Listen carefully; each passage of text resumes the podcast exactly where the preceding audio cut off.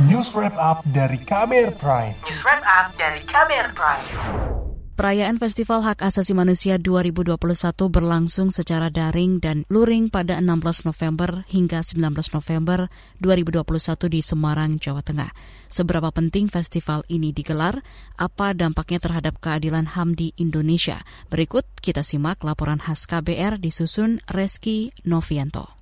Kota Semarang, Jawa Tengah pekan ini menjadi tuan rumah Festival Hak Asasi Manusia. Acara ini diselenggarakan Komisi Nasional Hak Asasi Manusia Komnas HAM bersama lembaga Infit. Tahun ini, Festival HAM Festival mengusung tema bergerak bersama memperkuat kebinekaan, inklusi, dan resiliensi. Ketua Komnas HAM Ahmad Taufan Damanik mengatakan, Festival HAM merupakan bagian merawat keberagaman dengan terus menghidupkan kegembiraan dan merayakan perbedaan untuk menghindari konflik. Festival HAM ini dimaksudkan supaya seluruh elemen bangsa ini mau bergembira ria. Makanya festival. Oke dah, sekarang merawat keberagaman itu dengan berfestival ria. Gitu. Kita festivalisasikan ini, keberagaman ini, dan kemudian hasilnya adalah untuk saling menghormati. Saling menghormati dengan kegembiraan itu ujungnya berarti kita menghindari terjadinya konflik. Perayaan Festival HAM 2021 disambut baik kantor staf kepresidenan atau KSP. Tenaga ahli utama KSP, Siti Rohaini mengatakan, penyelenggaraan tersebut merupakan suatu inisiatif yang perlu didukung. Kata dia, Presiden Joko Widodo juga telah menegaskan hak asasi manusia merupakan prinsip utama dalam setiap kebijakan di pusat maupun daerah.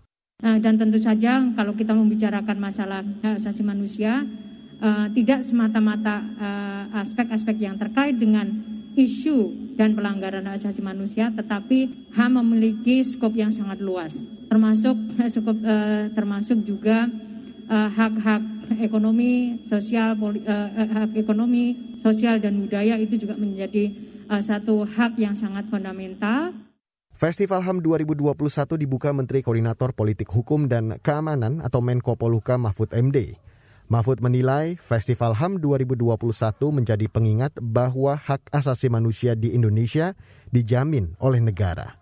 Pada saat kita merdeka langsung meletakkan misalnya pasal 27 sampai dengan pasal 34 Undang-Undang Dasar itu adalah hak asasi manusia yang mencakup hak sipil politik, hak ekosop, bahkan juga sudah menjangkau hak tentang lingkungan hidup, hak alam. Karena alam itu kalau tidak dipelihara dengan baik juga bisa melanggar hak asasi manusia, mengancam kehidupan manusia.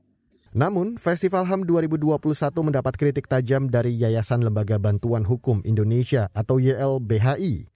Ketua YLBHI Asfinawati menyebut, agenda yang diinisiasi Komnas HAM, Infit, dan Kantor Staf Presiden atau KSP itu bermasalah. Asfinawati mengatakan festival itu memberi ruang bagi orang-orang yang menurutnya melanggar HAM warga di daerah ia heran, festival justru dirayakan dengan para pelanggar HAM, yaitu kepala daerah yang abai terhadap hak-hak hidup masyarakat. Kalau perayaan itu bersama komunitas, maka perayaan seperti apa yang kita lakukan kalau kita berkumpul bersama pelanggar hak asasi manusia? Itu yang mau saya katakan yang pertama. Karena itu merayakan hak asasi manusia bersama pelanggar hak sebenarnya memiliki masalah mendasar sekali, masalah mendasar yang serius. Apa yang mau kita rayakan? Bersama-sama dengan pelanggar HAM. Salah seorang tokoh warga di Kecamatan Nguter, Sukoharjo, Jawa Tengah, Tomo, turut meragukan acara Festival HAM 2021 bisa menindaklanjuti keadilan hak asasi di masyarakat. Tomo menyinggung hak warga di Sukoharjo yang dilanggar perusahaan PT Rayon Utama Makmur yang membuang limbah sembarangan. Namun pemerintah daerah justru membiarkan pencemaran limbah terus berlangsung.